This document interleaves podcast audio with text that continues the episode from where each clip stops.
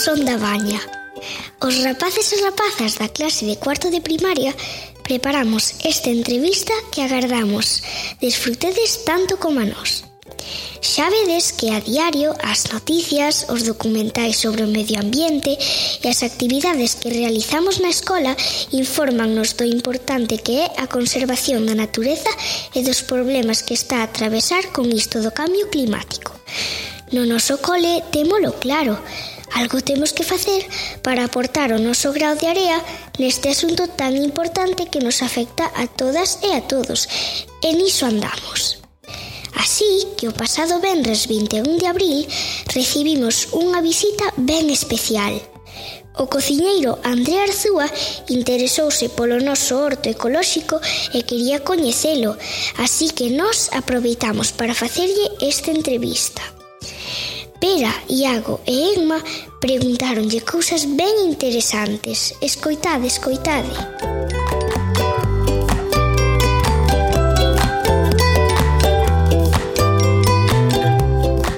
Algúns de nós xa anda a pensar ás veces a que nos podemos dedicar no futuro. É dicir, cal queremos que sexa a nosa profesión cando sexamos maiores. A que idade descubriches ti a túa paixón pola cociña? Cando te deches conta de que querías ser cociñeiro? Pois eh, deime de conta moi noviño, porque como somos seis irmãos, meu pai estaba emigrado fora, miña nai estaba pois nas feiras porque éramos feirantes, entón na casa quedábamos seis cativos bravos. Entón alguén tiña que facer de comer. Entón, pois a miña irmá maior era moi tiñalle moito medo á cociña e non quería saber nada delo. A seguinte, pois dedicábase a ordear a casa e a min me tocaba cociñar. Entón eu remexía e mesturaba cousas hasta conseguir facer de comer. Co cual pode ser sobre, non sei, sete anos, oito anos, moi noviño. Para poder desenvolver ben un traballo, sabemos que estudar e ter unha boa formación. É moi importante. Que e onde estudaches ti para ser cociñeiro? Pois eu comecei os estudios de hostelería en Lamas da Vade, en Santiago, e eu cando estudiaba, estudiei servizos. Vale? Ali podías estudiar cociña ou servizos. Sen embargo, cando rematei os estudos, despois formeime por fora en cociña. Estivemos investigando e descubrimos que fixeches un programa na televisión galega sobre gastronomía. Titulábase Gastronomía para non perderse, con André Arzúa. Que aprendiches facendo este programa e cales foron os produtos que máis che gustaron e sorprenderon? Pois a ver, neste programa a idea era tratar de recuperar todo o que se está perdendo, non? É dicir, a nivel gastronómico temos unha cultura maravillosa, pero hai cousas, hai produtos que están desaparecendo por desuso ou porque é máis cómodo pois consumir produtos que xa están elaborados que non quere dicir que sexan máis sans, todo o contrario. Entón, que aprendín? Aprendín a valorar moito máis o noso, a valorar o, tradi a, o, o tradicional, o que se facía toda a vida, e que é moito máis saudable. E dos que máis me gustaron, dos que fixen, eh, pois eu creo que un pouco de todo, porque tocamos sardiña lañada, que agora prácticamente xa non se fai, fixemos unha reportaxe sobre as androias, que se consumen na zona de, da montaña de Lugo e de Ourense. Que máis fixemos? Por aí que fixemos moitas cousas. Ah, bueno, tocamos algo moi importante, que é o pan. Inda que non se está extinguindo, sí que as técnicas e as maneiras de facelo, esas maneiras máis tradicionais sí que estaban desaparecendo, ou están, porque é moito máis sinxelo e máis rápido facelo de maneira industrial. Entón, esas, eses pans artesanos que se facían toda a vida, o cuidar as fariñas, o por que evolucionan as fariñas de determinadas maneiras, é importante. Moitos cociñeiros e cociñeiras pasan o tempo viaxando para aprender e poder descubrir diferentes gastronomías alimentos típicos de outras zonas e países. Cal foi a viaxe máis interesante que fixeches por traballo e que aprendizaxe destacarías? Pois así...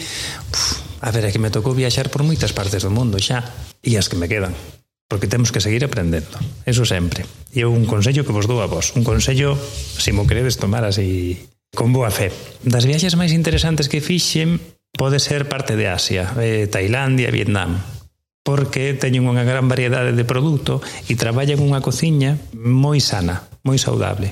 Tamén sabemos que actualmente tes un negocio propio moi cerca de Santiago de Compostela, un proxecto ao que lle chamas Espazo Abella. Cando abriches Espazo Abella e que actividades se poden realizar ali?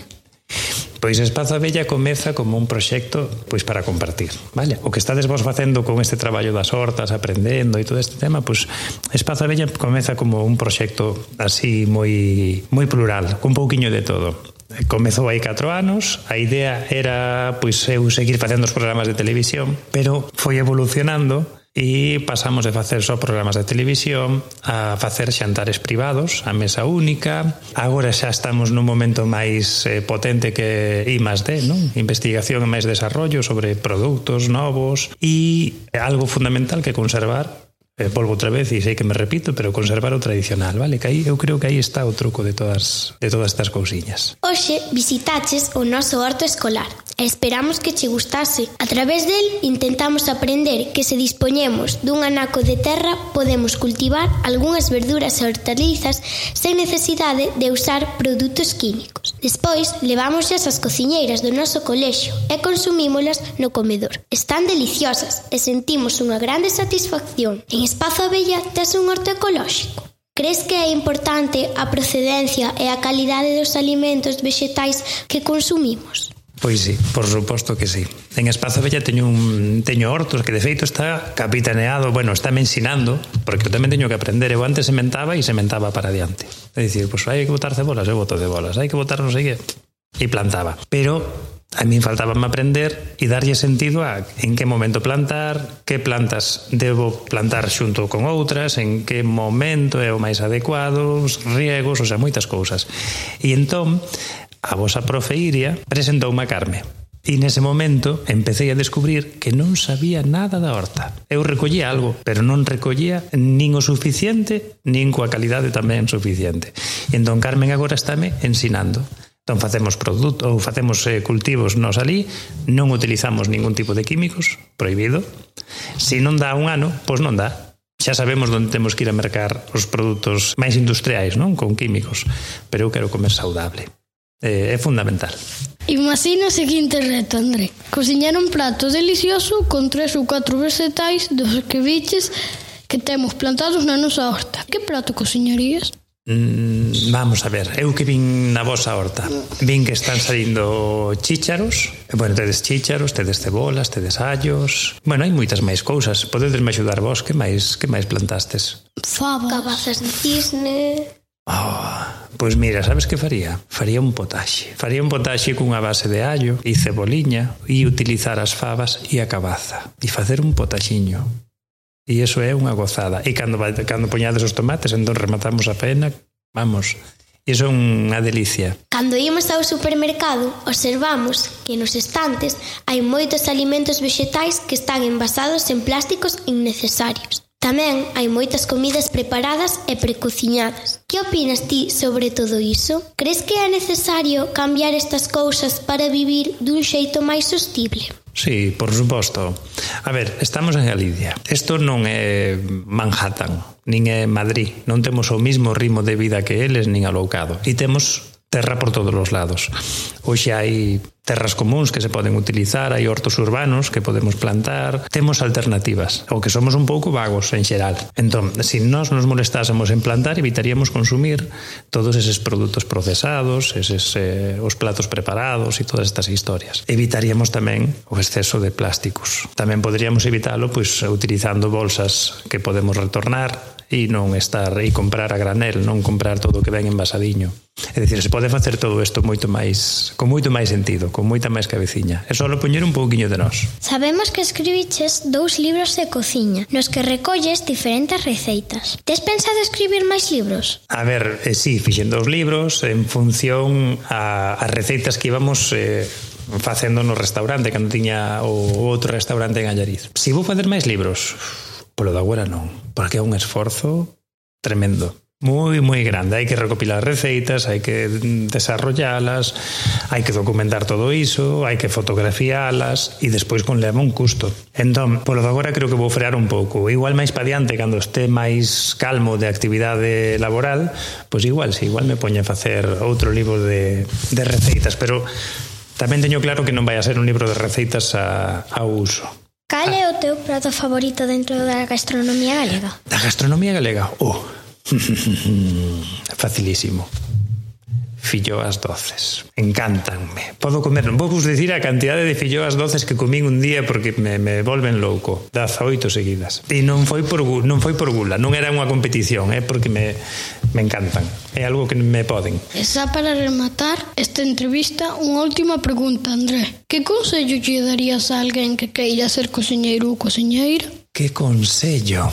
Mm, que disfrute o proceso de aprendizaxe. Non que queira ser o gran cociñeiro, porque cando a xente pretende ser ou quere ser unha copia dun gran cociñeiro, se está perdendo todo ese proceso de aprendizaxe, non o está vivindo, porque só está obsesionado en querer chegar a ser. E entón todo ese proceso, desde que non sei nada ata que sei algo, é bonitísimo e se pode disfrutar moito. Entón, aconsellaríalle que disfrutase de verdade. Bueno, André, queremos darche as grazas por vir hoxe ata a nosa escola e interesarte polo noso horto ecolóxico escolar.